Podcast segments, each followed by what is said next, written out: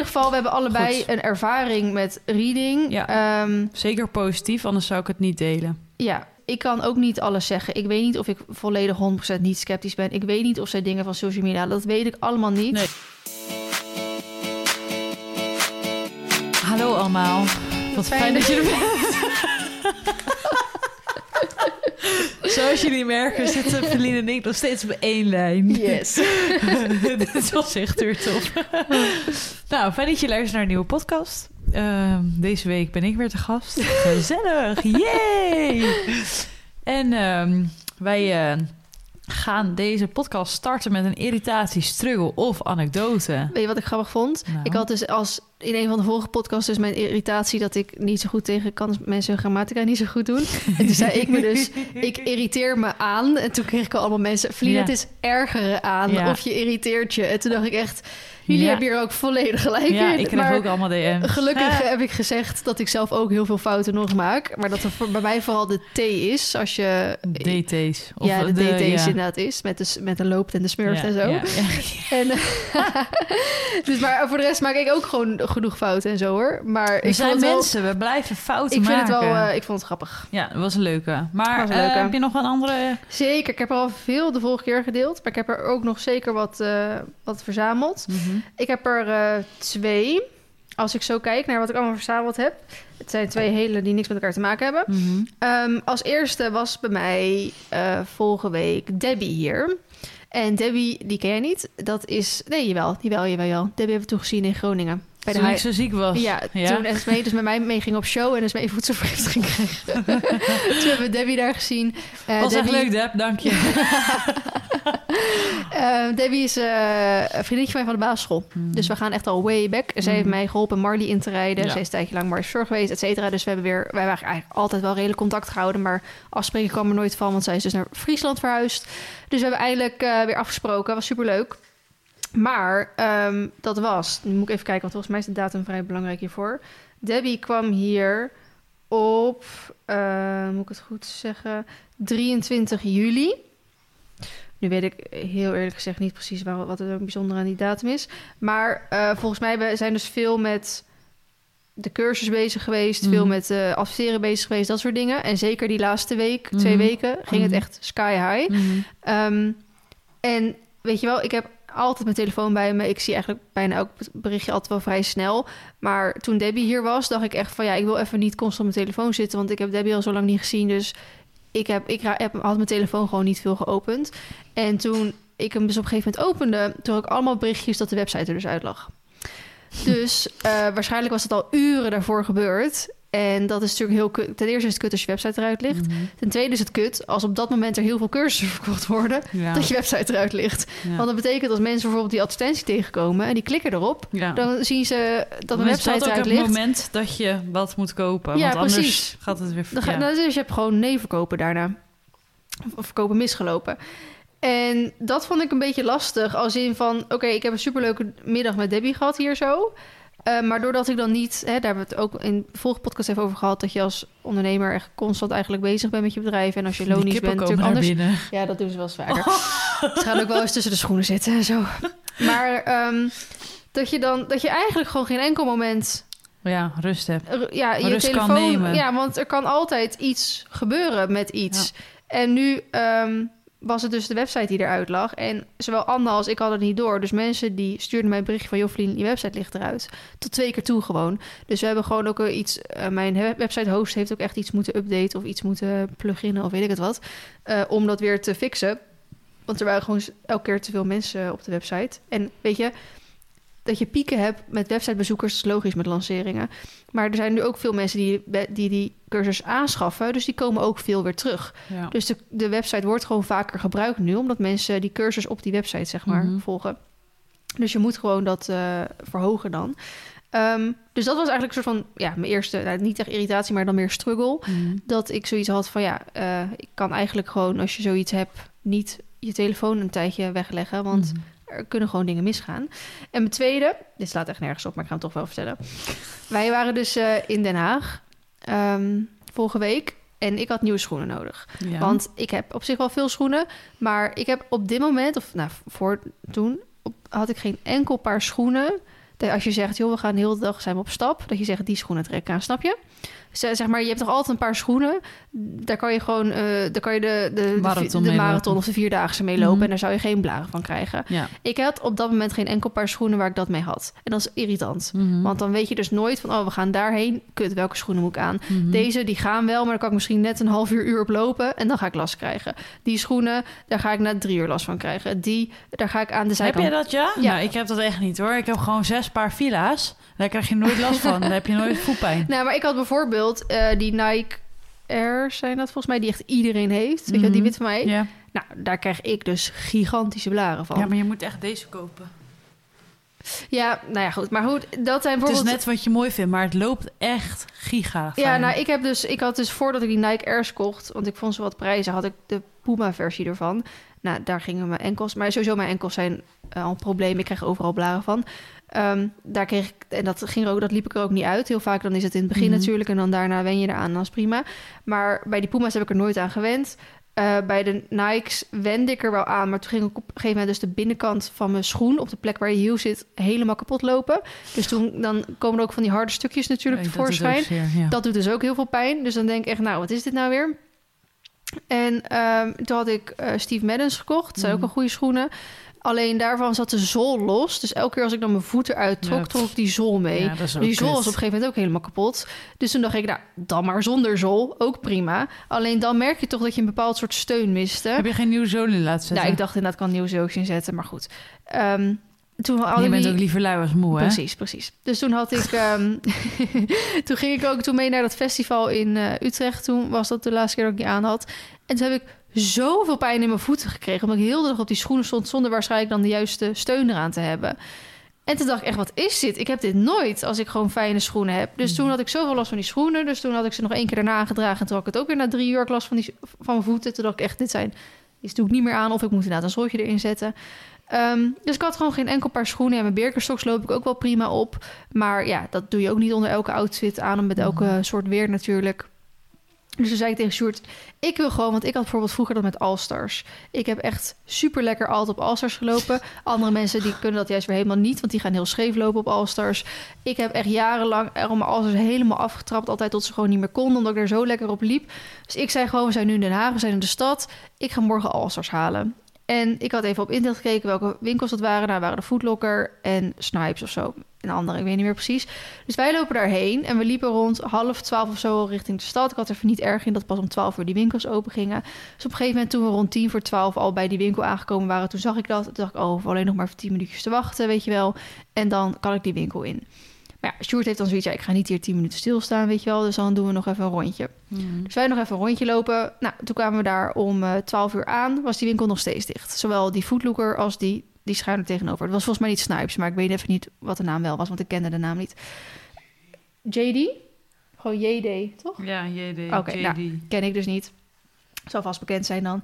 Eh, die zaten soort van schuin tegenover elkaar. En ik dacht eerst, nou, ik ga eerst naar de Footlocker. En dan, want Footlocker kende ik wel meer. Dus dan dacht ik dan, die heeft ze zo. En ehm, nou, toen was het ongeveer twee over twaalf. Er stonden ondertussen al best wel wat mensen voor die winkel. Nog steeds niet open. En je zag gewoon al dat, dat winkelpersoneel zag je gewoon daar zo chillen, weet je wel. Nee. Ja, en toen zei Sjoerd echt zo van... ja, ik ga niet wachten hierop hoor. Kom, we lopen nog een rondje. Ik zo, hoezo? Het is twee over twaalf. We moeten gewoon open gaan. Nu, wat slaat het nou weer op? Ja, heb je even een baksteen door de ruit heen? Toen zijn we naar, naar die JD gelopen. Was ook dicht, weet je wel. Ook allemaal mensen voor die winkel. Zo, al die mensen zagen zo lekker te chillen zo daar. Ik dacht echt, hallo. Kijk, aan de ene kant denk je van... joh, het is twee minuten. Nou, uiteindelijk hebben daar vijf minuten gestaan. Waren ze nog niet open. Dus om vijf over twaalf waren ze nog niet open. Toen dacht ik echt, tuurlijk, wat is vijf minuten? Maar ik denk gewoon, the fuck. Al deze winkels zijn nu open in deze straat. Waarom jullie niet? Alsof ze een soort wedstrijdje aan het doen waren... die het langst gesloten waren of zo. Want precies die twee winkels waar ik moest zijn... die waren nog gesloten. Dus op een gegeven moment om 7 over 12 of zo... waren ze allebei nog steeds niet open. Zag ik nog steeds die mensen daar chillen. dacht ik, wat is dit? Kijk, als er misschien echt iets... Misschien was er wel iets heel heftigs aan de, aan de hand... Dat, we even, dat ze even onderling moesten oplossen... voordat ze die deuren konden open doen. Maar er stond tering veel mensen voor die winkel te wachten... tot ze een keer naar binnen konden. Waaronder ik. Dus ik dacht echt, nou, ik ben er klaar mee. You, have one job. Gewoon om 12 uur open gaan. dus ik dacht echt, nou... Dus wij lopen toch nog een rondje... want Sjoerd wilde weer even daar kijken. Dus ik dacht, nou oké, lopen een rondje... Toen kwamen we langs Nelson. En ik vind Nelson ook altijd een hele fijne schoenenwinkel. En toen heb ik daar gewoon drie paar schoenen gekocht. van 300 euro bij elkaar. En, eh, maar dat waren dus, wat ik zeg, ik had op dit moment geen enkel paar schoenen meer. Er waren geen All-Stars. Er waren geen Pak je All-Stars. ze er even bij, ik wil ze even zien. Ja, zou ik het doen? Ja, Oké, ik ga ze alle drie pakken, oké? ja, ik ga keuren. Hier moet zo'n wachtmuziekje onder. ik ben benieuwd, jongens. Ze houdt ze achter de, achter de rug. We beginnen met het eerste paar. Oh, ik vind het heel leuk. Dit zijn sandalen.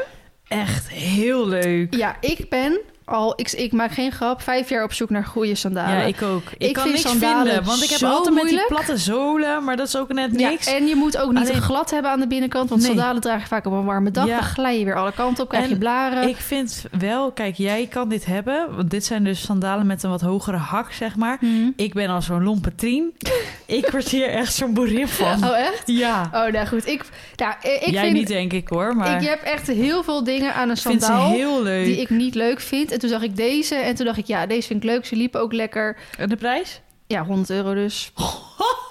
Maar dat heb ik dus met, met Ja. schoenen en jassen. Ik, Ja, met jassen, dat weet ik ook ik, die wa- was iets duurder dan 100 euro.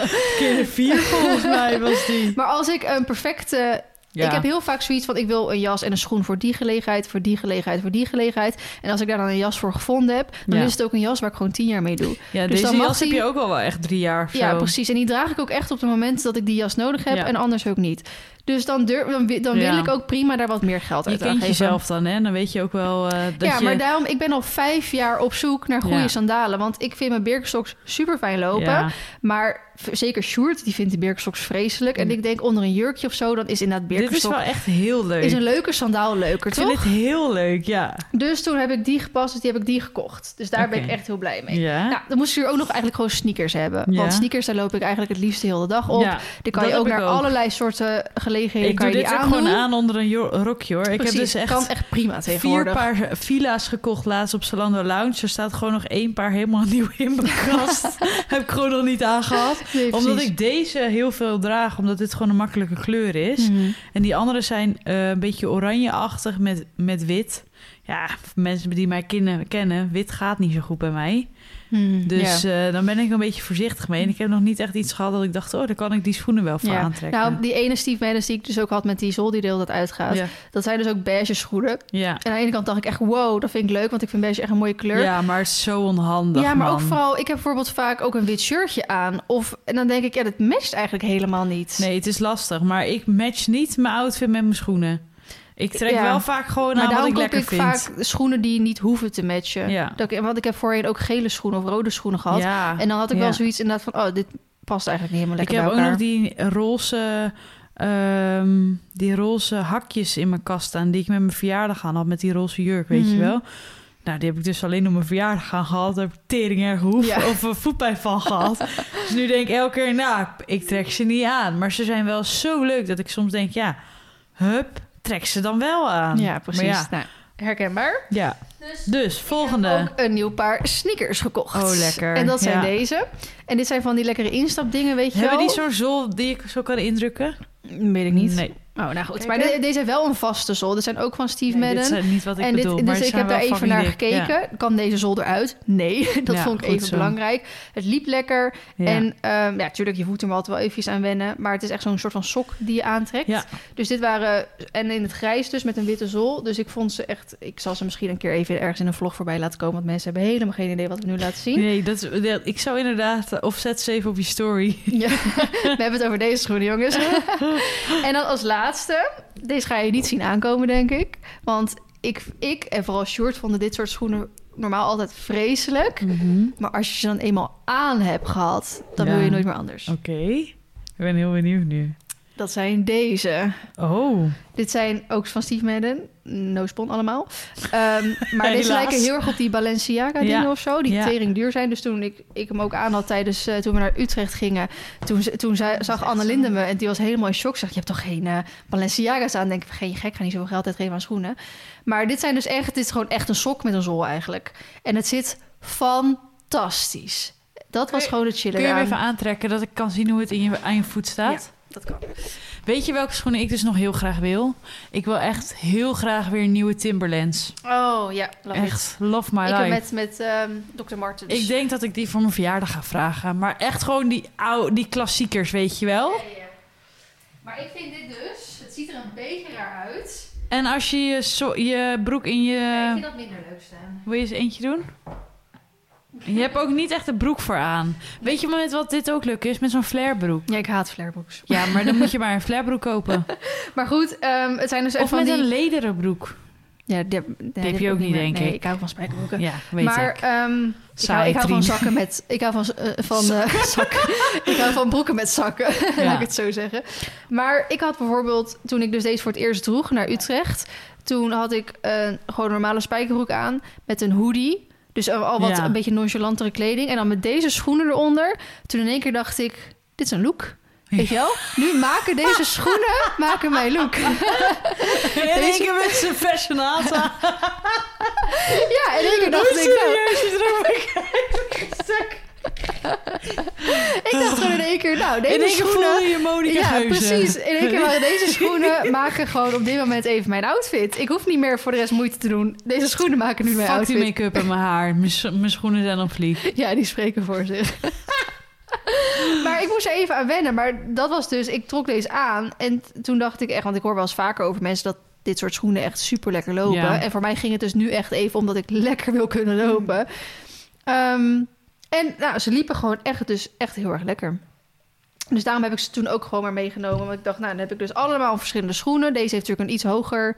eh, ja, deze, deze gaat tot over je enkel heen. En deze zijn helemaal in zwart. Dan heb ik die sneakers tot onder mijn enkel in het grijs. En dan heb ik die superleuke sandalen in een beetje beige-achtig kleurtje. Dus toen dacht ik, dan ben ik ook gelijk klaar, weet je wel. Toen dacht ik echt, ik kwam voor, ik, ik kwam voor All-Stars van 70 euro. En ik ging weg met drie paar schoenen voor 300 euro. Dat is dan Ja. weer altijd mijn story of my life. Dus ehm, ja, maar goed. Ik vind ze wel heel leuk. Ik wil eigenlijk nog steeds die Allstars wel hebben. Maar Snap ik.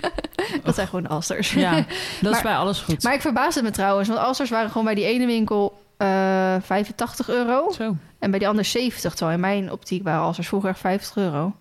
Dus ik weigerde ook om, om 80 euro voor alles uit te geven. Ja, dat snap ik wel. Ik ga eens even op internet zoeken of ze niet ergens voor 50 euro te Je vinden moet zijn. even Salando Lounge in de gaten houden. Word je gesponsord door Zalando? Nee, het was maar eens feest. Lounge, wil je me sponsoren alsjeblieft? Please. Please. Ik kan heel schattig lachen. Dus dat was mijn aan de ene kant dus irritatie. Dat ik gewoon irriteerde dat Oh die, ja, daar die ging het over. Winkels niet gewoon kwijt. op tijd open konden gaan. Ja. Eh, wat ik trouwens ook wel eens andersom heb. Dat als het dan eh, twee voor, eh, of vijf minuten voor tijd is en dat zijn ze al dicht. Dan denk je, joh, ik hoef alleen naar binnen te rennen. Ik pak iets wat ik nodig heb en ik ben weer weg. Mhm. Maar dan zijn ze al dicht. Dat ik denk, hallo, je bent pas om half zes dicht. Niet om Ja. vijf voor half zes. Dat vind ik altijd irritant. Maar goed, misschien mensen die zelf in de winkel werken denken echt, Vlien. Nee, bek nou. houden inderdaad. Ik ook, heb ik zelf ook in de winkel gewerkt. Maar goed, dat waren mijn twee irritaties. Nou, mooi. Nu ik.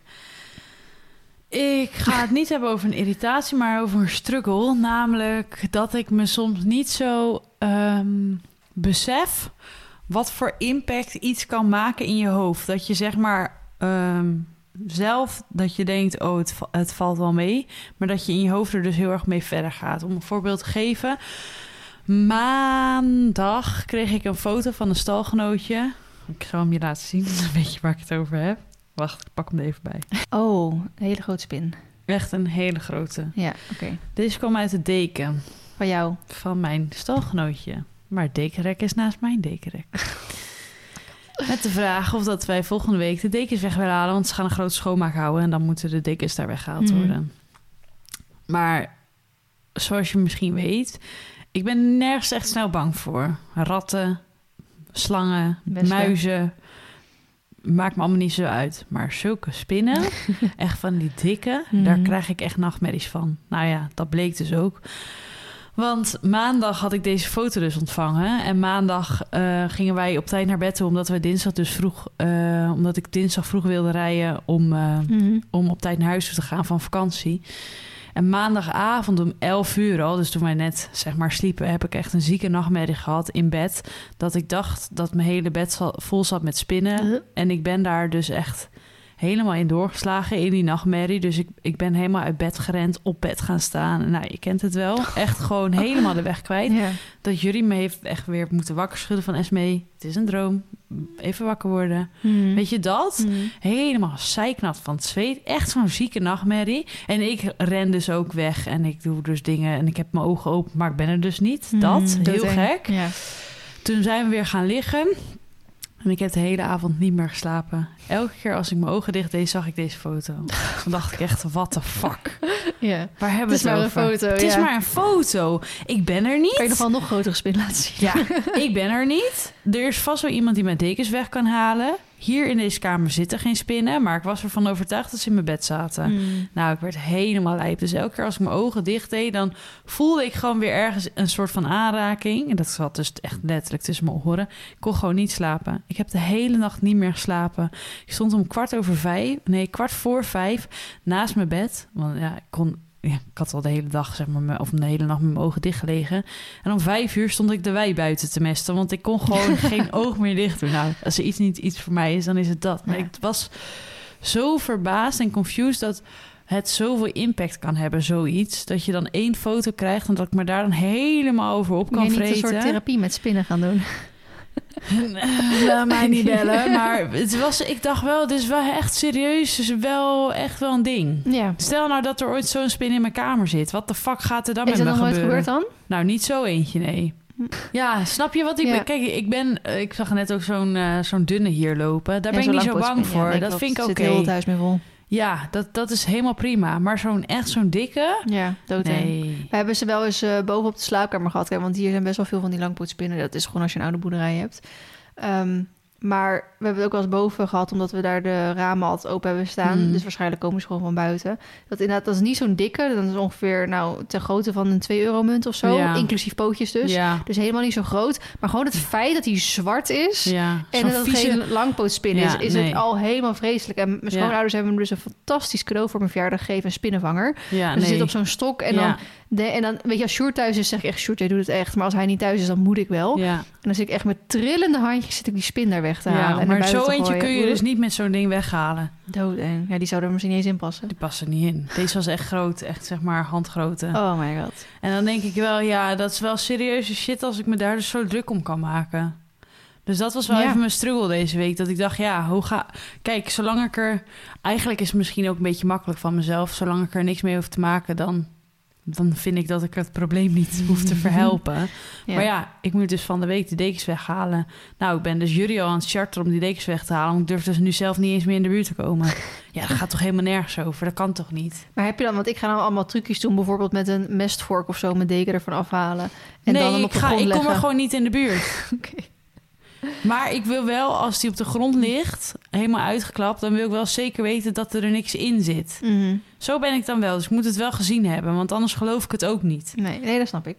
Dus, maar het, is natuurlijk heel, het gaat helemaal Ja. nergens over. Ik zat laatst bij ons in de zadelkamer zitten ook best wel wat spinnen. Dus niet alleen langpootspinnen, maar ook die vieze dingen. En ik had het laatst toen ik eh, mijn zadel ging pakken. En ik pak en ik zet zo mijn zadel. Oh, Kippenvel, all over. Dat is Sorry. gewoon eigenlijk niet eens ik heb weer allemaal nachtmerries vannacht. Oh. Ik, alleen dit verhaal. Ik zet zo mijn zadel Oh. op, eh, op eh, die stang buiten waar ik hem dan poets. En ik zie iets eh, weg. Ik wil sowieso mijn zadelhoest er overheen weghalen. En ik zie iets weglopen in mijn ooghoek. Maar ik kon het daarna niet meer vinden. Nou, ik heb daar echt 20 minuten gestaan. Om zo alle kanten van mijn zadel te checken. Of ik niet, als ik straks mijn zadel pak en hem op zijn rug leg. dat ik in één keer in een spin grijp. Of dat ik niet in één keer eroverheen loop. Maar ik kon die spin, als ik het al überhaupt goed gezien heb. dat ik het echt in een oogwenk zag. Oh, ik echt gewoon... Mijn hoofdharen gaan gewoon overeind staan. Van dit soort dingen. Oh. Oké, sorry als je vanavond weer een. Echt, ja, als Maar dat ja. zo is, dan ga ik echt een therapie. Want dat is niet best hoor. Ik heb er geen foto van, dus dat is Nou, beter. Kom, volgende onderwerp. Oké, eh ja, wat zat hier- Actualiteit oh, of oké. roddel? nou, twee eh, actualiteiten. Maar het lastige is dat deze podcast pas over een week online komt. Dus Ja, hoe dan actueel is dan al? meer zo actueel. Het eh, WK eh, gaat eh, aankomende week beginnen. Ja. WK, de World eh, Equestrian Games in Herding. Ik moet ook een kleine gesponsord postje voor Clip My Horse doen. Ik zag ook dat Bianca ook op promocode en zo had. Dus superleuk. Volgens mij is dat voor dressuur, springen, paradressuur en voltige, dacht ik uit mijn hoofd. Mm -hmm. Dus dat gaat beginnen. En dan, nou, kan het allemaal op Clip My Horse en zo gezien worden. Ehm, maar ja, dat wilde ik wel zeggen van nou leuk dat dat gaat beginnen. Maar tegen dat deze podcast online is gekomen, is het alweer afgelopen. Ja. dus daarom, ik heb wel even opgeschreven, maar we hoeven er niks mee te doen. Maar wat ik wel een heel leuk actualiteitje vond, is dat Hans van Boer Vrouw, ja, van dit seizoen? van afgelopen seizoen ja, Ja, ik heb dus niet gekeken, maar ja, sorry. die eh, is natuurlijk samen nu met eh, die vrouw die die toen heeft uitgekozen. Die is ook bij hem ingetrokken, wat al fantastisch is. Maar hij is dus nu ook eh, voor Fokker van het jaar uitgekozen. Hij Turk springpaard fokt. Dus dat vond ik wel heel Oh, erg dat is leuk. wel tof, ja. Dus dat vond ik wel eh, leuk. En er was ook iemand, ehm, een bekende eh, ja, ruiter of coach of instructeur, was er overleden. Ehm, maar ik kende hem niet. Dus Nee. had ik zoiets van, ja, ik weet niet of ik dat dan moet benoemen. Maar... Maar- Dus dat waren eigenlijk mijn actualiteitjes. Ja, Ja, en nog fucking veel dingen, maar vooral heel veel sportdingen. En omdat nu gewoon het EK is bezig, weet je wel, EK junioren, Ja. de WK's om de hoek. Dus er zijn nu gewoon heel veel sportdingen. En eerlijk is eerlijk, ik vind het wel leuk om dat dan voor Clip en Hoor straks dan ook te gaan kijken. Maar voor de rest boeit het me eigenlijk niet zo heel veel. Nee. Dus dan heb ik het ook niet heel veel zin om het in de podcast te, te vertellen. Ja, top. Had jij nog iets? Nee, we gaan door met de pot. De pot. Ik pak een kaartje. Mening geven. Een hoefsmid mag paarden alleen op ijzers zetten als daar een goede reden voor is. Ja, maar wanneer is de goede reden? Dus dit is weer zo'n heel breed begrip. Ik mag toch aannemen, mag toch hopen dat de ho- hoefsmid eh, alles weet over waarom het wel en niet mag. En dat hij degene is om jou die reden wel of niet te geven. Dat Ja. is meer wat ik van dit kaartje vind. Daarover gesproken over hoefsmeden. Anouk is eh gisteren weer bij Beloe geweest. Ze heeft echt super gezonde hoeven. Ah, ik, mag ze- ik mag het zelf gaan doen. Oh, Ja. oh. Is dat weer dan niet eng? Jawel, ga ik ook niet doen. Maar Nee. zo Oh, goed wel. zijn ze. Ja, maar ik vind het wel een beetje eng dat ze dat adviseert. Nee, gewoon bijveilen en zo. Ze Oh. heeft er weer niks van af hoeven betalen. Oh. Dit is nu negen weken geleden. Mhm. Dus dat is top. Ja, dat is wel top inderdaad. Maar ik zei er wel, ik vind hoeven altijd wel iets spannends. Ik ook. Ik ga er zelf ook niet aan zitten. Nee, want mijn hoefsmid heeft me, of mijn natuurlijk Barbara heeft mij ook wel eens gezegd... joh, als jij zelf eh, wat dingetjes aanschaft... kan ik je wel uitleggen hoe je het ermee Ja, zelf precies. bijhoudt. Maar dat vond ik wel spannend. Ja, dat Anouk ja, ook. dan moet dat of dat hij mij doen. dat echt heel goed uitleggen... ook al ben ik dat waarschijnlijk de volgende dag zo weer vergeten... of ik moet echt zo'n cursus of zo gaan doen. Ja. Maar ook, de, eh, mijn, Maar pa- ja, mijn passie ligt niet bij aldoende dat... leert men. Dus als je goed op die hoeven gaat focussen... dan denk ik wel dat je het zelf eh, sneller door hebt. En je kan bijvoorbeeld ook zo doen dat je één keer in de vier, vijf maanden... een smid laat langskomen of wij dan een natuurlijke bekapper... en de rest het zelf doet. Ja, dat is absoluut zo. Maar ik vind dan inderdaad dat je dan zelf ook een bepaalde soort scholing moet doen. Omdat hoeven wel, eh, we zeggen wel eens paard heeft vijf harten. Ja, Eh, dus ik vind dat je daar echt niet zomaar aan moet zitten als je daar geen verstand van hebt. En dan heb ik weer zoiets, want ik zie dat best wel wat andere YouTubers ook doen. Mhm. Want ik zie eh Romy Huisman, die doet bijvoorbeeld daar heel veel mee. En Fenna doet er heel veel mee. En nog een paar doen er heel veel mee. En dat is goed, maar daar ligt dus ook niet mijn ja. interesse en passie, Nee. zeg maar. Nee, dus dan heb ik zoiets van, nou, ik laat ik liever gewoon lekker mijn natuurlijke bekapper zich bekommeren Ja. om die hoeven. ja. Ik ga wel wat anders doen. ja, prima. En ik vind het goed om je erin te verdiepen, weet je wel. Dus ik ben altijd, bijna altijd als ik er ben, dan ben ik erbij. En dan vind ik het wel leuk om over de hoeven te hebben, om er ook van te leren en zo. Maar ik heb inderdaad niet die behoefte per se. Ik vind het wel soms lastig, als ik even over dit kaartje wijs, is dat een dierenarts wel eens kan zeggen, joh, hij moet op een ijzer en op een zooltje. Ja, kijk en, maar dat, en mij. dat de hoefsmid dan zegt, Ja, nee hoor, dat niet. hoeft helemaal niet. Ja. En dat vind ik soms wel eens Het lastig. loopt echt niet eh, tegelijk met elkaar. Nee, want je wil heel graag de dierenarts geloven. Want die heeft er natuurlijk ook voor gestudeerd. Maar aan de kant, een hoefsmid is gespecialiseerd. Dus Ja, ja, maar dan ligt het er ook weer aan welke hoefsmid. en Er welke zijn ook eh, heel veel hoefsmeden die het voor het geld doen. En dan zijn ijzers natuurlijk fantastisch. Ja, nou ja, goed, ik weet het niet. Eh, Oké, dat was de eerste. Feit of fabel? Esmee is jaloers op Feline omdat ze zelf te lang is om nog pony te rijden. Ja, dat is een feit. ik ben echt jaloers dat ik geen pony meer kan Maar jij bent rijden. niet te lang per se. Nee, ik ben eerder veel te groot. Gewoon in de lengte en de breedte, zeg maar. Beide. Maar ik, pas, ik zou niet... Ik, op Marley zou het prima gaan, maar het past niet. Het Nee. staat niet. Nee, precies. Dus dat is het ook meer. Deze leuke. We had eigenlijk meer bij vorige keer gepast. Mening geven over juryleden. Mag dit nog dan? Volgens mij mag niet meer worden weer gecanceld door eh, bepaalde partijen. maar eh, ja, er, eh, die hebben al denk ik genoeg woorden over vuil gemaakt, toch? Ja, jij pakt zo meteen maar een nieuwe. Mening geven. Er zouden strengere wetten moeten zijn op het houden van paarden. Eens. Ja. Ik ben er helemaal klaar mee. Ik ben nu, zoals jullie weten, heb ik in de twee, twee podcasts geleden verteld dat ik op zoek ben naar ehm, Nieuwe stal. een nieuwe stal. Of ik wou zeggen naar een nieuw huis. Maar ik heb dus een huis gekocht. Dus ik ben op zoek naar een nieuwe stal. En er worden gewoon nog steeds stallen aangeboden waarbij de paarden niet buiten komen. Of waarbij de paarden wel buiten komen, maar dat ze alleen staan. En dan echt twee uur of zo misschien. En dan denk ik echt, jongens, groepsdieren, groepsverband. Waarom moet een paard alleen staan? Ja. Bang dat hij zijn poten breekt? Nou, echt. Moet je geen paard kopen. Nee, precies. Dan doe je er maar bubbeltjes plastic omheen. Ja, gezeur altijd. Dus ik vind dat eh er mag, mag zeker strenge reizen op. eh, we hebben het natuurlijk ook vaak over maneges en zo. Maar ehm, het is niet alleen maar bij maneges zo. Dat denken vaak mensen. Maar er is ook nog genoeg te behalen bij... eh, Ja, bij particulieren, Ja, bij andere en dingen. normale stallen die bijvoorbeeld geen les geven of zo. Nou ja, ik heb bijvoorbeeld nu met, dat, met mijn gedoe, met, met Paddock Paradise en zo... dan is natuurlijk de vraag, ja, hoeveel paarden moet je op je weiland houden... omdat je weiland het niet trekt, omdat ik daardoor de grond moet verbeteren. Maar ja, moet ik dan maar inderdaad, omdat ik niet zoveel grond heb... terwijl er dus kans is om mijn grond te verbeteren... mijn paarden zoals andere mensen maar allemaal gaan ophokken... zodat ik wel 40 paarden op dat stukje Ja. kwijt kan... dat ze alleen maar in stallen met uitloopjes staan. Dan denk ik, ja, dat is toch geen paardenwelzijn? Nee, Oké. ja.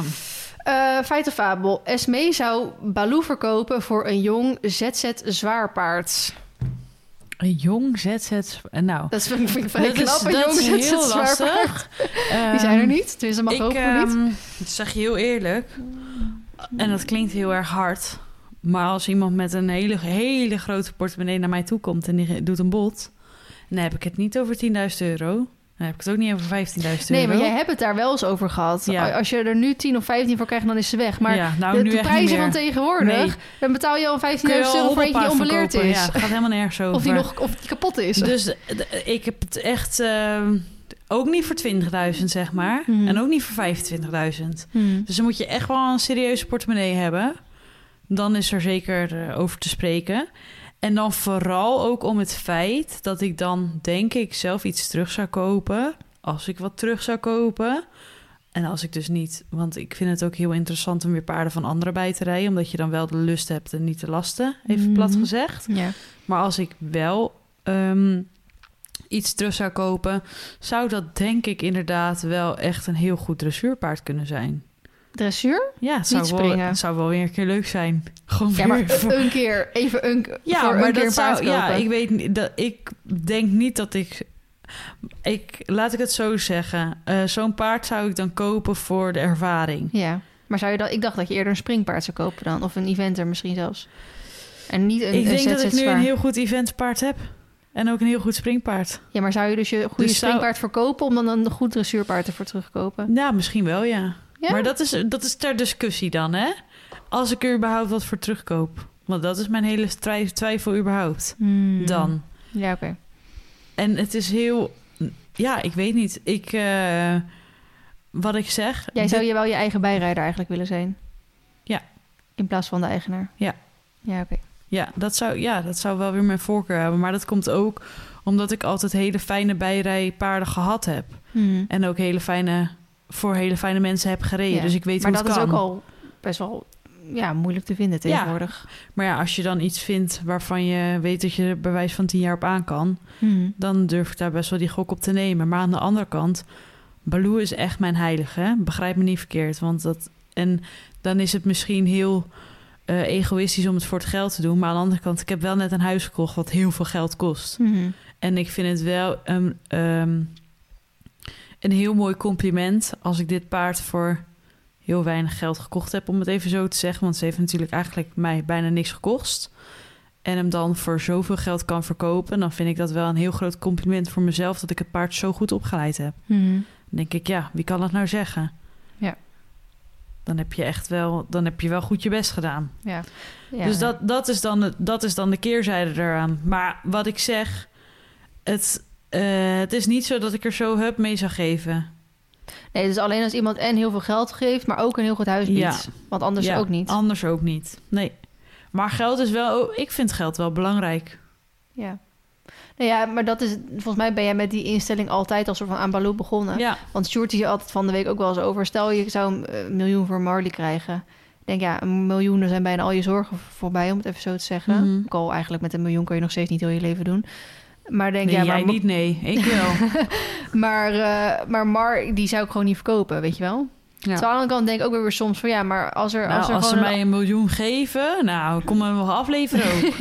Geen Ja, probleem. maar dan denk ik ook weer van ja, als hij misschien een heel klein, of het is heel klein, gewoon een leuk meisje of zo of jongetje, eh, gelukkig kan maken. Ja. Dan denk ik, ja, hij hoeft het inderdaad niet bij mij altijd alleen maar goed te hebben. Maar voor mij staat er inderdaad geen geld tegenover of zo. Nee. Ik zou hem nog, als hij, als ik, als hij, om even zo te zeggen, tussen haakjes in de weg zou staan, zou ik hem nog eerder gratis Weggeven? weggeven, aan iemand waarvan ik 100% zeker weet dat hij het goed heeft, Ja. dan dat ik er eh 10.000 voor krijg of zo. Ik heb vroeger wel eens gezegd dat hij dat waard is, maar omdat hij bijvoorbeeld best wel leuk kan springen, eh Mhm. nou, Kossen ook wel wat ervaring heeft, eh, ondanks dat hij natuurlijk wel wat weigert, en wel leuk kan dressuren. Alleen ondertussen is hij al 14. Mhm. Eh, en hij is echt niet de makkelijkste, altijd buiten vooral. Ligt ook alweer heel erg aan wie je erop zet en wat voor situatie. Maar eh, met die hoeven, hè, we hebben toen Marley klinisch laten keuren. En toen kwam Mhm. hij er dus niet doorheen, omdat hij gewoon met die hoeven zit. Dus hij zou er nu gewoon, hij is dat nu niet meer waard. Ja. Maar ehm, Nee, maar jij hebt, een jij hebt een paard om een hele andere insteek. ja, precies. Ik heb haar inderdaad... Ik heb natuurlijk... Ik ben er wel anders ingestapt. Toen Ja. al. Ja. En ik vind het opleiden van jonge paarden... vind ik dus juist heel erg leuk en heel erg interessant. Mhm. Dan denk ik ook... Stel dat ik er straks drie van terug kan kopen. ja. Even, zo, even zonder... Maar dat heb ik nu ook, want ik heb zoiets, dat set was leuk of is leuk, maar ik hoef echt niet hoger van mezelf. Maar dat is misschien ook heel anders als je een paard hebt die dat allemaal wat makkelijker pakt, weet je Ja, wel? Dat je echt... Want hoe vaak... Ik heb gezegd, nou, als ik een parcoursje rond kan springen... ben ik tevreden. En nu ben Ja. ik, nou... eh, hallo.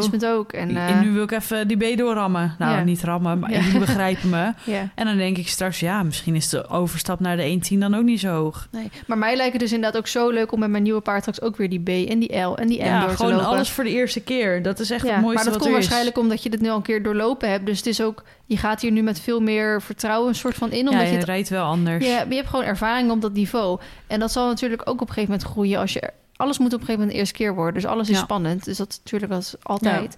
Maar ik weet bijvoorbeeld een, een Grand Prix ruiter. eh zal absoluut niet iedereen zijn, maar die vindt bijvoorbeeld de B echt niks aan. Nee. Die wil gewoon gelijk hup in set starten. ja. Maar dat is natuurlijk ook logisch, want dat is best wel veel eh, tijd en geld gaat ook in die wedstrijden. Dus Mhm. het is voor jezelf ook handig als je hem gelijk daarin kan starten. Ja. Maar ik heb zoiets, nee hoor, laat mij lekker die B doorlopen. En Ja. die L doorlopen. Nee, maar ik eh, vind bijvoorbeeld dat paard van Cynthia, die Jack, die Mhm. is dan negen of zo. Die loopt ook zes het licht. Vind ik zo'n gaaf paard. Dan denk ik, daar leer je echt op zitten, man. Poeh.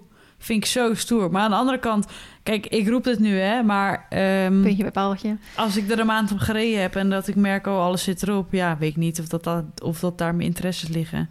Ik vind het allround wel echt heel erg leuk. Ja. Maar ik denk, stel, stel, stel dat, hè, als, als je het over echte, echte dingen gaat hebben. Iemand moet echt, wat ik zeg, een hele dikke portemonnee hebben. Iemand moet echt het perfecte huis bieden, anders gaat het Mhm. gewoon niet weg. En daarbij, ik denk dan, als je me nu zou vragen, dat ik gewoon niet per se direct weer wat nieuws koop. Ik denk Nee. dat ik lekker ga bijrijden. Ja, dat snap ik ook wel. Ja. Maar heb jij ook niet, omdat je wel natuurlijk ook wel eens gezegd hebt dat je een kinderwens hebt en zo, eh, dat je dan ook bang bent als je op een gegeven moment aan kinderen begint, dat je dan met die tijd en zo zit?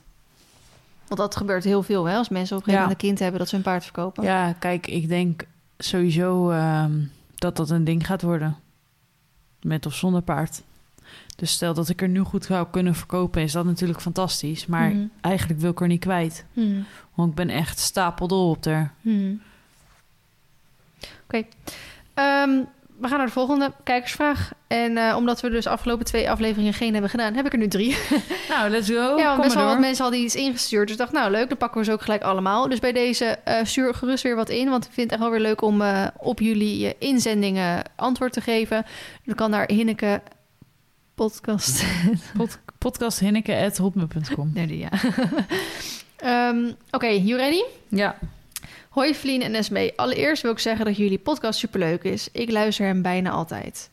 Bijna is niet goed genoeg, hè? Je moet altijd alles luisteren. Dan nu mijn probleem. Ik woon bij mijn ouders en dat is best chill, maar ik voel me soms, maar ik voel soms dat ik niet echt bij mijn familie hoor. Mijn opa heeft een nieuwe vriendin waar hij helemaal gelukkig is en hij ziet me niet meer staan. Hij komt bijna nooit meer op bezoek en ik kan ook niet echt steun vinden bij mijn ouders en mijn opa dus. Mijn oma is overleden, dus ik kan ook niet bij haar terecht. Ik wil ook niet gaan praten met mijn ouders, want dan wordt het probleem toch niet opgelost. Ik voel me trouwens niet depressief, alleen soms is het zwaar. Op de manege kan ik even weg zijn van mijn ouders en lol hebben en die paarden zijn superleuk. Maar als ik op de manege ben, ehm, maar op de manege ben ik maar een paar uur per week en dan ga ik weer naar huis en dan is het weer ongezellig. Bijvoorbeeld, ik kom thuis van een dagje stal en dan heeft mijn familie al gegeten. Dan moet ik vervolgens apart gaan eten. Ik vind het niet echt leuk, maar goed. Ik probeer de situatie te accepteren en dat was in het begin lastig. Maar nu gaat het wel goed. Ik probeer nu gewoon aan mijn eigen toekomst te denken. Hebben jullie misschien tips? Goedjes, ik wil graag anoniem blijven. is meester stil van. Ja, ik vraag me af hoe oud... eh, Ja, dat staat er niet bij. Nee, hè? Nee, maar dan gok ik ergens tussen de... Ja, ik vind het 15 en 25. wel... Nou, Een er- ergens tussen de, de 15 en de 18, denk ik, of zoiets. Oh, oh. Ik vind wel al vrij eh, volwassen geschreven. Nou, dat, ja, dat vooral. Daarom, Ja. daarom was ik even stil dat ik dacht, oh ja, ja. Ja, vind nou, dus daar even complimenten voor als in. Ook vooral dat laatste zinnetje. Ik, ik probeer me nu gewoon naar mijn eigen toekomst te denken. Ja, vind ik heel Vind ik volwassen. een hele, hele, hele knap ook dat je de, die keuze kan maken, ondanks dat je in die situatie zit. Ja. Dus, maar, ehm, nou ja, kijk, als je al zegt dat het met je ouders praten niet, niet veel zin heeft, dan, eh, als dat inderdaad echt zo is, zou ik dat inderdaad gewoon lekker niet doen. En hoe vervelend het ook is, zou ik inderdaad, ook al is je leeftijd misschien, dat weten we dan niet, is daar niet helemaal naar, jezelf als de volwassene dan maar gedragen. Ja, Dus inderdaad dan niet, eh, om het even zo te zeggen, naar Nee, niveau. maar de puber uit gaan hangen of zo, weet je wel? Wat Ja. ook mag, want het hoort bij je leeftijd misschien. Ja, maar dan wordt het wel door de situatie nog lastiger Ja, van. precies. Dus in, in dit, deze situatie zou ik dan denken... als jij dan jezelf als de volwassene gedraagt... door dan misschien bepaalde dingen maar te accepteren... dan vind ik dat echt super knap van je. En inderdaad te focussen op je toekomst en je doelen en waar je wil komen. En eh, ja, misschien met je vader of met je opa een keer wel praten... of, of misschien wat meer leuke dingen plannen of zo, weet je wel? Misschien Ja. eh, als het er niet vanuit Dat je opa komt, dat jij eh, misschien neemt. initiatief neemt. Dus misschien hebben jullie een gemeenschappelijke hobby of interesse dat je een dagje wegboekt of wat dan ook. En dat je dat dan weer samen doet. En dan ziet je opa misschien ook weer van, oh, het is zo ook heel leuk. Of misschien samen met die vriendin dat je met z'n drie iets gaat doen of zo. Ja. Door ook haar beter te leren Wel kennen. een goed idee van jou, Valine. Ehm, en, en hetzelfde met je ouders trouwens. Want wat je zegt dat je ook niet echt in je familie hoort. Dat je dat idee hebt. Misschien kan je toch met je ouders, of ik weet niet of je nog broers of zussen of zo hebt, daar ook iets gemeenschappelijks in vinden. ja. Dat jullie, al is het maar een, een tv-programma wat jullie elke één Week. keer in de week eh, samen kunnen kijken, omdat jullie die toevallig allebei leuk vinden of zo. Dan, al is het maar zoiets. Dus ehm, dat zou ik je willen meegeven. En inderdaad, voor de rest, als je al zo goed ehm, kan beseffen voor jezelf of beslissen voor jezelf dat je het soms zwaar hebt, maar gelukkig niet depressief bent, Mm. dan zou ik uiteindelijk nog steeds proberen om er met iemand over te praten. Als dat niet met je ouders of je opa lukt, dan misschien, hè, wat we ook al zeggen, misschien binnen school of eh, iemand anders. Dat zou in ieder geval heel fijn zijn om er überhaupt over te praten. Ehm, en inderdaad, je met de positieve dingen bezig te houden. Dat gaat je denk ik uiteindelijk meer brengen als je niks aan de situatie verder kan veranderen. Als eh, ja, er wel hij zou maken bijvoorbeeld. Maar ik vind het wel eh, altijd moeilijk om te lezen. Dat iemand zijn thuissituatie niet zo kan zijn als dat je het zou willen voor iemand. Ja, dat is wel zo. Ja? Ja, volgende. Ehm, hoi vrienden Esmee, Team Feest. Ik luister jullie podcast al vanaf het begin en ben een grote fan van de podcast. Vooral die met Esmee. Ik heb meerdere keren in de deuk gelegen om Esmee. Ik vind het erg lastig om te beslissen of ik weg moet gaan bij de stal waar ik nu rij of niet. De stal is gewoon bij iemand aan huis, zal ik maar zeggen. Bij iemand die erg traditioneel is in de paardenhouden. De paarden komen niet zoveel buiten als dat ik zou, eh, als dat ik denk ik zou moeten. Maar het rijden is gewoon doorgaan. Als het paard schrikt, moet je gewoon een beetje strenger zijn. Mijn instructrice heeft een jong paard gekocht, niet zo lang geleden. En het is een koudbloed. Ze zijn een beetje gaan longeren en een zadel erop en er gewoon op gaan zitten. Niet met een goed aangemeten zadel of zo. Gewoon met een oud zadel uit de kast. En nu wil ik die niet... Oh, en als hij dan niet wil doorlopen, hup, een spoortje erbij. Ook de meiden die daar, ook, die daar rijden. Eén daarvan is wel aardig, maar de rest negeert me een beetje. Die meiden rijden daar al veel lang- langer dan dat ik doe. Omdat de pony waar ik eerst altijd, altijd op reed... plotseling ingeslagen moest worden in van met koliek... moet ik nu op een ander paard rijden. Een van die meiden reed eerst altijd op het paard. Die komt soms als ik aan het opzadelen ben... gewoon even de stal in en even knuffelen met het paard. En ze negeert mij dan gewoon volledig. Ik probeer altijd zo aardig mogelijk te doen, maar het heeft geen effect. Die meiden zijn ook allemaal een stuk ouder dan ik. Ik ben pas 12 jaar en die meiden zijn allemaal tussen de 17 en 19. Het is ook echt een klein groepje van drie meiden. Er is wel een meisje die daar ook rijdt, die wel aardig is, maar die heeft nu een eigen pony en gaat daar ook stoppen. Die pony is wel mijn verzorgpony nu, alleen ze is nog maar 3,5, dus daar doen we niet eh, veel mee, vooral grondwerk en hele kleine buitenritjes. Dus ik vind het heel erg lastig. Ik rijd er bijna vier jaar en ik heb het heel, altijd geaccepteerd, maar nooit echt fantastisch gevonden. Sorry voor de lange mail. Ik weet niet of dit thuis hoort in de podcast, maar ik zit er dus best wel mee. Kusjes wil graag anoniem blijven. Zo lief ik wil jou echt knuffelen. Ja, ik vind het ook zo knap zo- als je dit als 12-jarige in Als je op horse event komt, echt, kom naar me toe. Ik wil je gewoon even knuffelen. Ja. Dat. Maar ik vind het echt super knap dat je zo naar de situatie kan kijken. En ik denk wel dat het een verstandige keuze zou zijn om daar dus weg te gaan. Omdat je omdat ik van mening ben, als jij zelf niet op je plaats zit... eh, als je zelf niet zo goed op je plaats zit... kan je denk ik ook niet presteren naar hoe je zou willen. Snap je dan Ja, of dan zou je ook niet verder komen of leren inderdaad naar wat je zou ja, willen. omdat je jezelf zo afschermt voor Ja, of als, alles. als je het niet, überhaupt dan niet eens bent met de trainingsmethodes of wat dan ook. Dan zou het zonde Ja. zijn als je ook niet dan verder loop je komt. ergens vast. En Ja. of dat dat nu is of over twee jaar, ik denk dat dat moment gaat komen. En zeker als iemand traditioneel is, dan zit dat er vanaf het begin af vanaf in. Dus het is meestal ook niet dat Dus we rijden er ook al vier jaar, dus het is niet zo alsof het in één keer veranderd is. Nee, precies. Dus eh, lekker weggaan. maar en, zeker ook dan even iets zoeken wat wel meer bij je past. Ja. En dat zou eh, heel erg fijn zijn. Ehm, de laatste. Hey vrienden en mee. Als eerste love de podcast. Luister altijd met plezier. Nu dan eindelijk op het punt aangekomen dat ik een kijker slash luistervraag heb. Haha. Ik loop al een tijdje met een vraag rond en ik dacht, waarom niet insturen om jullie mening erover te krijgen? Zeker omdat ik weet dat Esmee er volgens mij al enige ervaring mee heeft. Oh jee. Even backstory. Ik heb nu ruim een jaar mijn eigen paard. Ik heb altijd gedroomd van een eigen paard. En ondanks dat ik nu nooit meer tijd en geld heb, lol, is het werkelijk fantastisch. Maar met een eigen paard hebben komt ook de zorgen. Is hij wel gelukkig? Is hij wel gezond? Heeft hij pijn? Deels is dat natuurlijk af te lezen, maar mijn paard is, en wel meer paarden zijn volgens mij, echt een binnenvetter. En daarbij is het aflezen van wat een paard denkt en voelt natuurlijk veelal eigen interpretatie. Als je langer met je paard samen bent, snap ik dit natuurlijk steeds makkelijker wordt. Nu dan mijn vraag. Ik heb al vaker gedacht aan een reading laten doen bij mijn paard, om zo toch wat duidelijker te krijgen hoe hij zich nu voelt. Maar blijf hier toch altijd een beetje sceptisch over. Hoe kijken jullie naar readings bij dieren en dus paarden? Hebben jullie dit wel eens gedaan? Esmee al wel bij Baloo heb ik voorbij zien komen. Hoe was jouw ervaring ermee? Was je niet sceptisch dat veel ook van social media afgehaald kan worden? Kijk je nu anders tegen readings bij dieren aan, nu je het een keer meegemaakt hebt? Ik weet dat er ook dingen zijn zoals pijnmetingen. Hebben jullie daar enige ervaring mee? Ik denk dat het wel. Ik denk dat wel meer, meer paardeneigenaren hun hersens kraken over wat hun paard nou denkt en voelt. Ha. Zijn readings hier een antwoord op, denken jullie? Ik ben benieuwd naar jullie blik hierop. Groetjes. PS, volgens mij is mijn paardje momenteel helemaal happy hoor. Haha. nou ja, deze mail kwam volgens mij ergens van eh, eind eh, juli. En ondertussen heb ik natuurlijk ook een reading gedaan. Dus ik vond het wel leuk om deze ook nog erbij Dat is te wel voegen. goed, ja. Ik heb me ondertussen twee fotoreadings laten doen. één in real life, zeg maar. Door dezelfde persoon? Of? Ja. Ja, en Jamie Jane heeft echt drie weken geleden nog een reading bij Baloo gedaan. En eh, ik moet altijd heel erg lachen om Jamie Jane, omdat zij echt... ehm, als, als Baloo echt een stem zou hebben, dan zou, dan zou het precies zo verwoord zijn als hoe Jamie Jane het zegt of hoe ze het opschrijft. Dan denk ik, ja, dit had ze zo kunnen zeggen, snap je? En dat is misschien als je je paard een beetje leert kennen, dat je denkt, oh ja, dat is humor en dat. Net zoals dat ze dan had geschreven, ja, sorry dat je er bijna aflag, maar kon me niet beheersen, haha.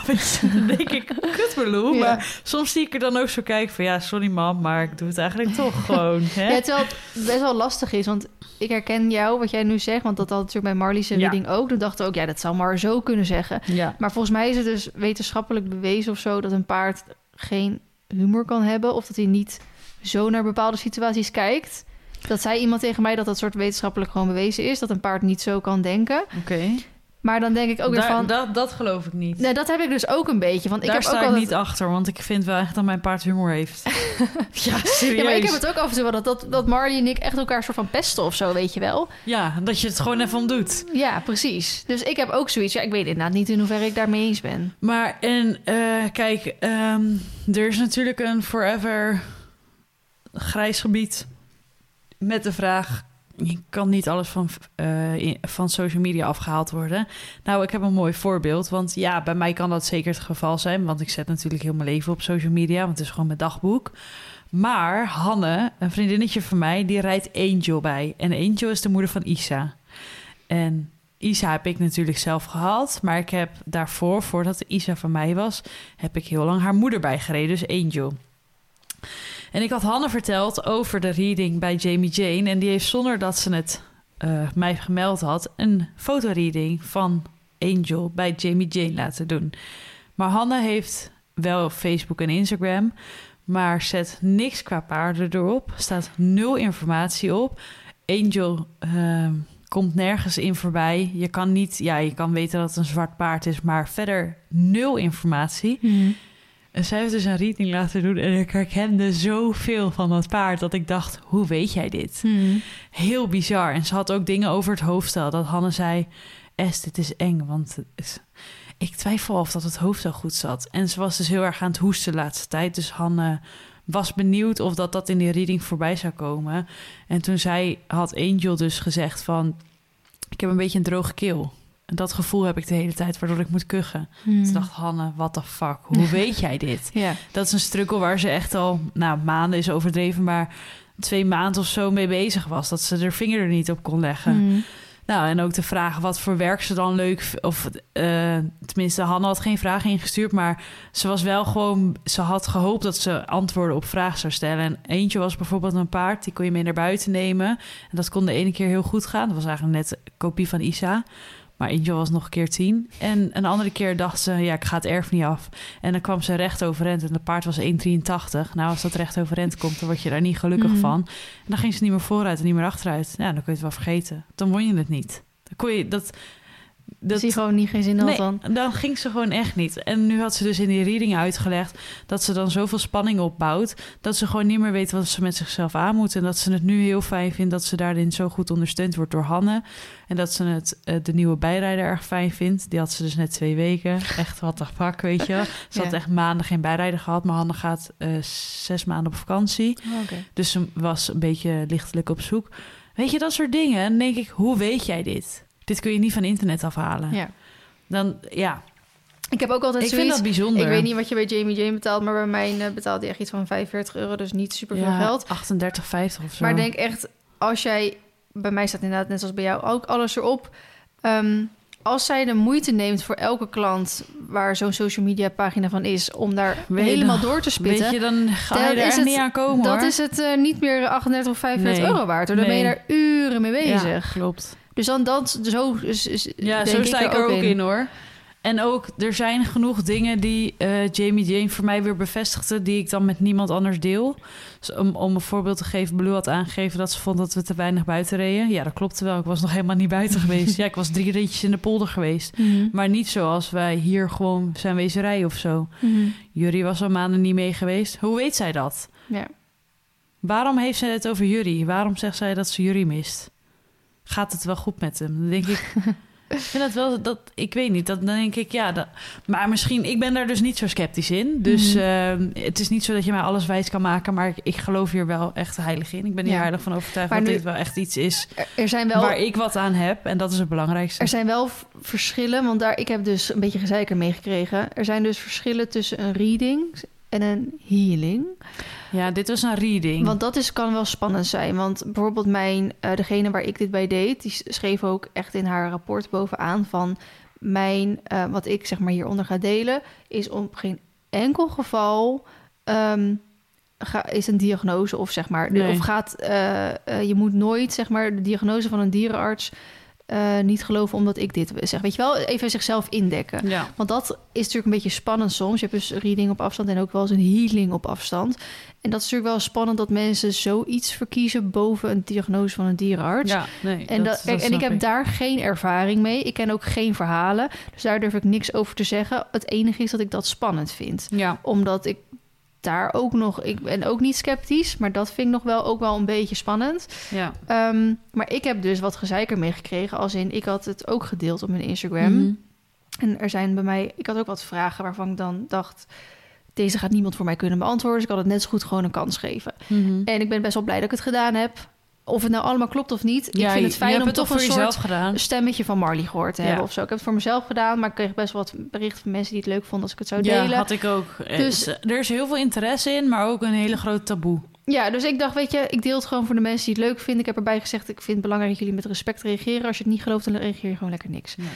En toen kreeg ik dus een DM van iemand, ik weet niet of ze deze podcast luistert. Het is altijd goed om iemand te waarschuwen ergens voor. Maar die doet iets met, dacht ik, aan haar profiel te zien, iets met biomedische wetenschappen. Dus zij is wat meer wetenschappelijk Mhm. eh, aangelegd, hoe zeg je dat?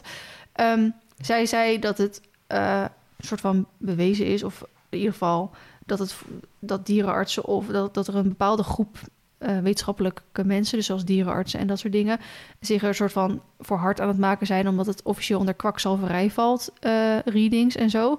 Dat ik echt denk, ja, oké, ik Ja, weet niet of dit e- echt is of niet. Ze doen er toch geen kwaad mee? Dus wat is dan het hele ding? Nou, dat is wat ik zeg. Weet je, ik, ik verwacht dat ik er geen kwaad mee doe. Maar daarom vind ik bijvoorbeeld als iemand een healing doet, vind ik wat spannender. Omdat dat, denk ik, Ja. daar is dan misschien een dierenarts voor. Maar goed, misschien zijn er ook verhalen van mensen die zeggen... ik heb een dierenarts erbij gehad en een healing gedaan... en die healing heeft meer ja, eh, baat, eh, baat gehad dan een een dierenarts. dierenarts. Daarom, ik heb er geen verstand van, dus dat weet ik niet. Eh, maar zij zei bijvoorbeeld wel dat ik heel erg zakelijk moest oppassen met het delen van dit soort informatie, omdat ik er zakelijke problemen mee kon krijgen. En toen had ze een voorbeeld van iemand gegeven waar ik nog nooit van had gehoord, maar die had er dus zakelijk heel veel gezeik mee gekregen. En toen dacht ik van, dit vind ik raar. Maar in wat, op wat voor manier nou, dan? dat vroeg ik me dus ook af, want ik dacht, ik heb dit zelf betaald. Ik heb dit gedeeld omdat mensen er benieuwd naar waren. Het is geen promotie, niks. Het is gewoon een ervaring die ik deel. Dus hoezo is dit zakelijk voor mij risicovol? Kijk, Ja, als ik dit dat begrijp ik ook niet. als ik dit deel, het is een samenwerking, wordt hiervoor betaald bij wijze van spreken. Iemand gaat ehm, ook zo'n reading doen en er komt, eh, weet ik veel, iets heel heftigs uit en die stelt mij aansprakelijk, ik zeg maar wat. Ten eerste vind ik dat al heel raar dat je dat doet. Eh, ten tweede denk ik, oké, dan zou ik nog ergens in kunnen zien dat het misschien een zakelijk risico is om je met dat soort eh, praktijken, zeg maar, kwakzalverij, hoe je het ook wil zeggen, te verbinden. Ehm, ik weet ook niet of ze het bedoelden eh, als in, dat weet ik veel, misschien bepaalde merken zich dan terugtrekken. Van omdat ik misschien dan daar iets mee doe, dan denk ik, nou, dat zou ik ook raar vinden. Dus ik heb het meerdere malen aan haar gevraagd, wat de fuck bedoel je met zakelijke risico's? Want Ja. ik snap het gewoon niet. Nee. En toen, en ik zei ook van ja, ik, zolang ik het er ja, niet snap, ben ik het er ook niet mee eens. Nee, precies. En toen zei ze ook gewoon aan het einde, nou, let's agree to not agree. Of to disagree. Ja, en toen dacht lekker ik, ja, makkelijk. lekker makkelijk Ja. inderdaad. Maar ik snap het nu nog steeds niet. En toen heb ik ook gewoon niet meer op gereageerd. Toen dacht ik, oké, prima. Laat maar dan. Als, als dat inderdaad wat ik zeg, als zij het vanuit waarschuwende rol wilde doen, dan mag je altijd doen. Maar ik snapte het gewoon echt Ja. niet. En Ik had ook een reactie onder mijn video, onder, onder mijn video dat ik had gedeeld dat, eh, dat ik weer fotoreading van, bij Blue had gedaan. Had iemand gereageerd. Ja, dat je in deze shit gelooft. Eh, Jamie Jane had alles van, van, in- van social media af. Dat je dat niet snapt. Toen zei ik, oké, maar kun je dit onderbouwen? Kun je nu je mening die je geeft aan mij nu onderbouwen? ja, feitelijk laten zien. Ja, daar moet je Jamie Jane voor vragen. Ik zeg, ja, maar jij hebt hier toch nu een hele grote mening en jij weet het toch beter? Mhm. Vertel me dan. ja, Zeg het dan tegen me. Zeg, want ik weet wat Jamie Jane gaat zeggen. ja. Want die Ja. doet niet voor Jan Lul deze Nee, reading. inderdaad. nee ja, iemand had bij mij ook gereageerd van het is juist, wat ik zei, het kan geen kwaad om dit te doen. En dat iemand anders juist zei, het kan heel veel kwaad om dit te doen. En dat was haar enige reactie. En toen dacht ik ook, ja, dit slaat er Ja, weer nergens op. Want, waarom? Want, waarom? Omdat je er negatiever uitkomt? En toen, Omdat je paard eerlijk tegen je is? Dat hij een ja, kutwijf of vindt? dat je, ik, ik vroeg me ook af, zijn ook dingen die dan- je niet wil horen, hè? Nee, precies. Daarom heb ik eigenlijk nooit een reading gedaan. Omdat ik zoiets had, ik, misschien zijn er dingen die ik niet wil, niet wil horen. En nou goed, het is allemaal viel het uiteindelijk wel mee. Maar ehm, Dat is meer de... Ik denk dat dat meer de overweging is die je zelf moet vragen. ja, maar ik dacht ook misschien ben bedoelt content zij... met alles wat jij gaat horen? Ja, precies. Ook ik, als dat negatief is. ja, maar ik dacht ook misschien bedoelt zij met dat je je, weet ik veel, met het dierenrijk gaat bemoeien of zo. Weet je wel, dat je je daar in. Maar goed, toen reageerde ook iemand daarop met, maar waarom dan? Toen, dus iemand anders vroeg het al van, Ja. waarom zeg dat? En daar heeft ze nooit meer op gereageerd. Nee, het zegt alweer genoeg. Als mensen hun mening niet kunnen onderbouwen, dan heb ik er al niet zoveel mee. Dus, in ieder geval, we hebben allebei Goed. een ervaring met reading. Ja. Ehm, Zeker positief, anders zou ik het niet delen. Ja, maar nogmaals, ja, ik weet het. Ik kan ook niet alles zeggen. Ik weet niet of ik volledig 100% niet sceptisch ben. Ik weet niet of zij dingen van social media, dat weet ik allemaal niet. Nee, kunnen ik weet een antwoord op dat geven? het maar 45 euro kostte. Ja, en je En hebt er het- zelf een positief gevoel aan overgehouden. En dat ik, ehm, En dat je het En dat er niemand anders die dus vragen- prima vond. ja, en dat niemand anders mij die antwoord op die vragen ging geven. Nee. Dus dan kon ik het net zo goed proberen. Maar goed, dan zou ik het wel bij iemand doen die, eh, waar andere mensen dus al een positieve, erva- positieve ervaring mee hebben. Ja. Want ik denk dat er ook een hoop kwakzalvers zijn. ja, dat denk ik ook, zeker. Maar dat is in alles. Helaas wel. Oké, en we door. gaan naar... Oh, ik had hem al weggestopt, maar dat is helemaal nodig. Ehm, als laatste een Tip. tip, ontdekking of quotes. Ik heb er twee. Oh, jij bent echt lekker bezig geweest hè, met voorbereiden. Nou, begin maar dan. Ja, moet ik beginnen? Ja, ik weet Nou ja, niet. ik weet dus niet of ik dit als tip mocht geven, want eigenlijk mag je geen reclame maken voor leningen. dus dat wil ik ook eigenlijk absoluut niet doen. Voordat mensen We straks... knippen eh, nu alles weg. nee, maar kijk, Piep, je, je mag, dat is toch officieel zo? Je mag toch helemaal geen reclame maken voor leningen? Nee, ik zou wel oppassen met wat je zegt, ja. Nee, precies. Maar ehm, daarom is het meer ja, een soort tip van weer een ervaring vanuit ons. Maar ik heb bijvoorbeeld mijn auto, mijn, eh, mijn BB, mijn Ford Kuga met financial lease gekocht. En heel veel me- mensen weten daar eh, dus niet van af. Ehm, dat is dus geen private lease. Private lease, dan betaal je elke maand een bedrag en daar zit alles in. Je hoeft eigenlijk alleen nog maar je brandstof te betalen. En dan mag je dan, meestal doe je dat voor zoveel kilometer per jaar. En dan, nou, na een paar jaar, dan wissel je hem weer om voor een nieuwe auto. Eh, maar dan wordt de auto dus nooit voor jou. Dus een soort van huur, net zoals dat je een appartement huurt of zo. En je hebt dus financial lease. Dan is het eigenlijk een beetje hetzelfde. Maar dan is die aan het eind van de periode dus wel van jou. En nou, we hebben het al vaker over gehad dat ik niet heel goed kan sparen. Dus als ik een wat grotere aankoop wil doen, dan, eh, nou, dan heb je daar meerdere opties voor. En ik heb toen de tijd dus, ik wilde graag een grote auto... omdat ik een tweeparts trailer kon trekken... toen ik dus eh, vijf jaar geleden mijn auto kocht... Ehm, moet ik een wat grotere auto hebben? Ik dacht wel, ik rijd 40.000 kilometer. Het heeft voor mij totaal geen... Het is niet interessant om private lease te doen... want met 40.000 kilometer per jaar betaal je je helemaal schil in de maand. Dus ik moest wel kopen. Ehm, maar ik wilde ook, omdat ik zoveel kilometers rij... een beetje luxe hebben, want ik zit veel op de weg. Dan wil ik niet... eh, elke maand bij de garage staan omdat er weer wat kapot is of wat dan ook. Dus ik wilde graag een wat luxere auto hebben. Kom je ook iets duurder uit. Ik heb mijn auto toen de tijd voor 13 of 14.000 euro gekocht. Ehm, en dat heb ik met financial lease gedaan. En dat hebben wij, deze nieuwe auto, die kost wel iets meer. Maar die hebben we ook met financial lease gedaan. Omdat al zouden we het bedrag wel hebben... dan vind ik het nog steeds heel spannend om eigenlijk dat bedrag in één keer zo te betalen. Dus je geld in één keer weg. Met financial lease betaal je natuurlijk sowieso ehm, meer geld. Je betaalt rente, hè? je betaalt best wel veel rente ook nog wel. Dus het is uiteindelijk Is dat goedkoper. hetzelfde als nu met een huis dan? 4%? Ik heb geen flauw idee. Oh. Wat, ik weet, ik heb het bedrag zien staan. Ehm, maar dat gaat wel om een paar duizend euro extra... die je dus eigenlijk als rente betaalt. Ehm, en nogmaals, ik wil absoluut geen leningen of wat dan ook promoten... want je kan er ook natuurlijk door in de schulden komen en dat soort dingen. Maar ik wil het meer meegeven omdat het voor mij toen... en ook weer nu echt een uitkomst is geweest... omdat ik wel dat maandbedrag kan missen... maar niet Ja, het bedrag in één keer. niet ja. in één keer kan doen. En eh, bijvoorbeeld een goede vriendin van mij... Ik heb eigenlijk met, aan heel veel vriendinnen heb ik dit altijd verteld. Omdat ze vroegen, joh, hoe heb jij je auto gekocht en dat soort dingen. Heb ik ook dit verteld. Nogmaals, niet om te zeggen, dit moet je doen. Maar gewoon als in deze optie is er. Omdat heel veel mensen het niet weten. Die weten alleen van private lease af en van een auto kopen af. En niet van financial lease. Ehm, dan heeft zij daar ook naar... Ik weet nog niet zo goed zeker of ze het wel of niet gedaan heeft... maar zij heeft er ook naar gekeken... waardoor voor haar ook in één keer de mogelijkheid er was... omdat het haar niet lukt om, Om te een dikke Ferrari te rijden. om, te, om, om dat bedrag te sparen. En ze had echt een auto nodig. En wel per maand dat bedrag kon missen.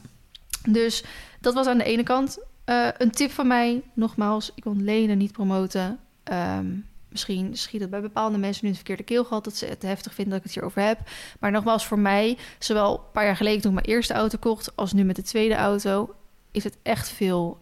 Ja, heeft het gewoon een mogelijkheid mogelijk Ja. gemaakt om een fijne auto te kopen. Fijn. Waar ik gewoon heel eh, dankbaar mee ben dat dit kan. Ja, en daar moet ik dan maar eh, een lening voor afsluiten. Ja. Eh, jouw, twee, jouw eerste gebruik? Doen we de twee dan? Ik heb er één. Nou, ik heb er twee, dus dan doen we die voor jou. Dan Ik heb mij. echt één hele goeie. Ik ben dus afgelopen week lang weekend met Baloo op vakantie geweest... naar een vakantiehuisje in Duitsland, in Noordhoorn. Dat is echt net over de grens. Volgens mij een kwartiertje van Oldenzaal af. Dus wij hebben ook gewoon lekker in Nederland zeg maar boodschappen gedaan. Ik vond dat super makkelijk, want ik spreek geen woord Duits. En we zaten daar in een vakantiehuisje... waar ook honden zijn toegestaan... en waar je dus ook je paard mee kan nemen. Dat had ik er niet mee, toch? Nee, ik had een beetje spijt dat ik hem niet mee had genomen. Want de ruimte was fantastisch. Maar we hadden die eh, zaterdag een vriendjes- en vriendinnetjesdag... Waar, waarmee we de hele dag weg waren. Mhm. Dus ik dacht, ja, dan kan ik hem niet de hele dag eh, hier zo neerzetten. Mhm. Maar ik wil dat even promoten. Want ik heb het zo onwijs naar mijn zin gehad. En ik raad het zo iedereen aan. Met of zonder paard. Of als je zelf een weekendje weg wil. Zonder vriend. Of met, met vriendinnen. Het is echt fantastisch mooi daar. Er is echt supergoed voor ons gezorgd. Het huisje was heel fijn. Het bed ligt fantastisch. ik denk dat ik hetzelfde matras ga bestellen. Oprecht, zo lekker heb ik geslapen. Mhm. Behalve die nacht dan met die spin. Maar dat was om andere redenen natuurlijk. Ja. Maar het was echt een dikke aanrader. Heeft Jurina uiteindelijk wel of niet ook echt gereden? Of heeft hij alleen Hij heeft uitgestapt. uitgestapt? Ja. Ja. maar geen buitenrit of zo. Nee. Want dat lijkt me ook echt leuk straks als ze dat andere paard dan ook hebben. Om dan met samen met Sjoerd Oh, dat is zo'n zo weekendje leuk. weg te gaan. om Ja, dan dat is ergens te gaan echt, buitenrijden. nou, echt aanrader. Ja, of gewoon met Dikke, Mar dikke alleen tip. al. Met Mar met de, met de wagen of zo weg. Met Ja, de menwagen, dan kan je ook met tweeën weg. Maar het was, ik heb echt onwijs genoten. Ik heb het echt super naar mijn zin gehad. Ik heb er twee video's over gemaakt. Ene is dinsdag of eh, woensdag online gekomen, de andere komt morgen online. En ehm, er staat een post op mijn Instagram ehm, met de tag, zeg maar, naar degene van het huisje. Want hun hebben een eigen Instagram pagina. Kan het, ik ga het proberen uit te spreken, maar ik kan het niet zo goed. Want het is dus Duits. Even kijken. Wacht, muziekje.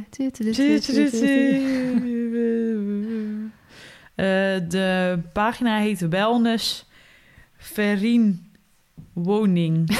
Zoek maar gewoon op. maar goed, het is echt... Wat is er dan vind- wellness aan trouwens? Wellness denk ik aan spa-achtig. Ja, ze hadden een jacuzzi binnen staan. Mm, En een groot bad. Het was echt top. Oké, lekker. En een bad buiten ook, gewoon zo'n zwembad. Ja. Dus ehm, Lekker. aanrader, dat was mijn tip. Nou, dan mijn laatste nog. Die kwam eigenlijk net een soort van in me op. Ehm, maar ik dacht, nou, ik ga hem toch delen. Ehm, nogmaals, niet gesponsord. Ik ga het weer eens over HelloFresh hebben. maar dat kwam meer wel natuurlijk net over dat ik echt... Dus of, of de volgende podcast ook echt, echt weer zo'n hekel aan koken op het moment heb. En ik heb toen dat ene uitgekookt geprobeerd. Ik denk niet dat je dat kent. En ze is weer afgeleid, zit op de telefoon. Maar dat Ja. ken je denk ik niet. Uitgekookt heet dat. Nee, Dat is dus net zoiets als HelloFresh of wat dan ook. Of eh, zo'n Marley Spoon. is dat met die maaltijden die helemaal kant-en-klaar zijn? Die krijg je dus en dan moet je alleen vier minuten in de magnetron doen en dan Ja. is het klaar. Ja. Alleen, eh, daar heb ik dus één keer uitgeprobeerd. En ik vond, ik moest toen vier dingen bestellen om zo'n welkomstbox zeg maar te krijgen. ja. En eigenlijk maar eentje daarvan vond ik lekker. Ja, maar ik zeg heel De rest eerlijk, ik- magnetronmaaltijden Ja. vind ik altijd een beetje... Dat voelt alsnog niet alsof ik gezond eet. Nee, precies. En dit is wel natuurlijk... Hier zit ook volgens mij die Rudolf achter van Rudolf's Bakery, Oh, ja. wel. Dus dan verwacht ik wel dat het gewoon goed eten is. En Ja, dat het ook echt wel een gerecht is die je op kan warmen... zonder dat het heel chemisch gaat worden. Ja. Dus maar eigenlijk zat er eigenlijk maar één gerecht bij waarvan ik echt dacht, hm, dat is lekker. En de rest, ik heb er volgens mij twee niet eens gegeten. Want het kutte was, je kon kiezen uit ehm, bijvoorbeeld Oosters of Europees of zeg maar van die thema dingen. En als je dan vega wilde, werd het vega en vis. Dan denk ik, Ja. ja, hallo, ik wil ook geen vis. Ik wil gewoon vega. Ja. Dus ik kon sowieso al niet uit die boxen kiezen. Dan moest ik kiezen uit gewoon allemaal aparte dingen. Ook prima natuurlijk. Maar van de vier was er ook maar vier vega dus. Terwijl bijvoorbeeld bij een HelloFresh is het gewoon Ja, tien echt- vega of zo. Of de helft is vega. Dus dan heb je heel veel opties. Maar nu dacht ik echt, oké, dus ik moet alle vier de dingen die ze überhaupt al aanbieden, moet ik nu kiezen om, dit om dit te Maar kunnen moet je dan bestellen. wekelijks dus hetzelfde eten? Nee, want elke week verandert het wel oh, weer dat natuurlijk. wel. En je ja. kan ook natuurlijk elke week weer uitzetten. Uitgekookt heet ja, maar goed, dit is eigenlijk helemaal niet waar ik het over wilde Oh. hebben. Maar eerst even als voorbeeld dat er dus ook van die dingen bestaan... dat je eigenlijk al een kant-en-klaar iets krijgt. Maar toen ging ik dus gisteren weer voor HelloFresh invullen... wat we voor volgende week willen hebben. Mhm. En toen, ze hebben dus waarschijnlijk al een tijdje... maar ik heb het altijd zitten overslaan omdat ik er geen interesse in had. Ze hebben ook fruit en zo. Nou, je kan dus ook fucking veel nu eh, extra doen. Dus je kan niet alleen fruit, maar ook bij een bakkerij, chocola, bek. ontbijt, eh, wijnen. Eh, je kan hele gerechten dus nu doen. Oh. Kiesjes, lasagnes, echt pizza's. Fucking veel.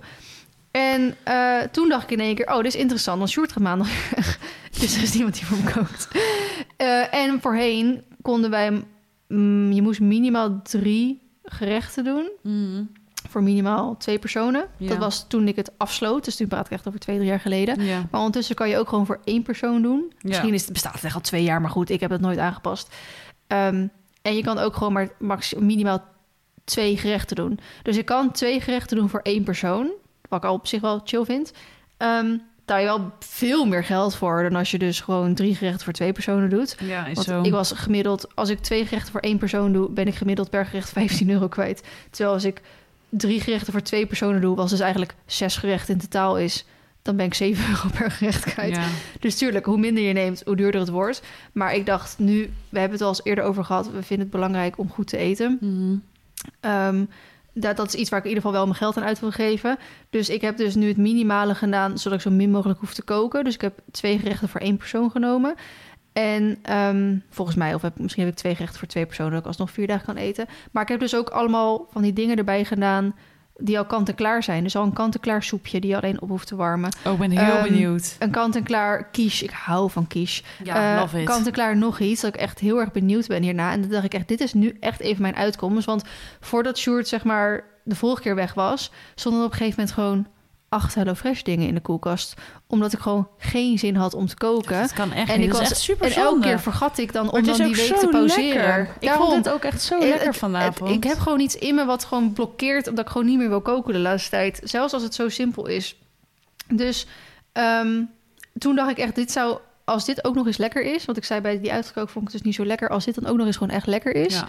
dan wil ik hier echt wel graag mijn geld aan echt uitgeven. vol gas En dan- op HelloFresh leven. Ja, maar dan blijf ik ook gewoon gezond leven heel de week... in plaats van dat ik dan misschien één keer kook uiteindelijk... en, Mhm. en de rest van de week of bestel of brood ga eten of niet eten, weet je wel? Ja. Dat is echt, ik, het is bij mij echt wel zo. Ik hou heel veel van eten.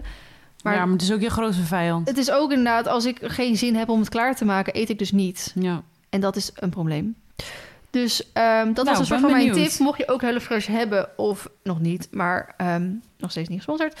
Ehm, dat hebben ze dus nu ook tegenwoordig. Waardoor ik hoop ik dat nu ga uittesten. Dus ik zal de volgende keer dat even bespreken. Laat ons het weten. Ja.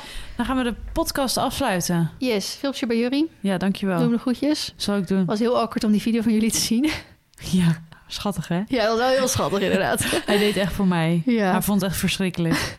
Maar het was wel echt een hele andere jury dan die ik in het echt ken, inderdaad. Ja, hij echt zat eh, er lekker zo- grote praatjes en zo. Ja, nu lekker niet, sociaal. en nu was het echt alleen als jij hem iets vroeg gaf, Ja. die antwoord. Zo schattig. Iedereen denkt nu dat het echt een hele schattige jongen is, maar... Nou, ah. Nou, ah. Nou, wacht maar jongens, in een verhuisvloggie straks. Ehm, Nee, leuk. Bedankt voor het luisteren allemaal. En En tot de volgende. Heel graag tot volgende week. Doei, doei. Bye.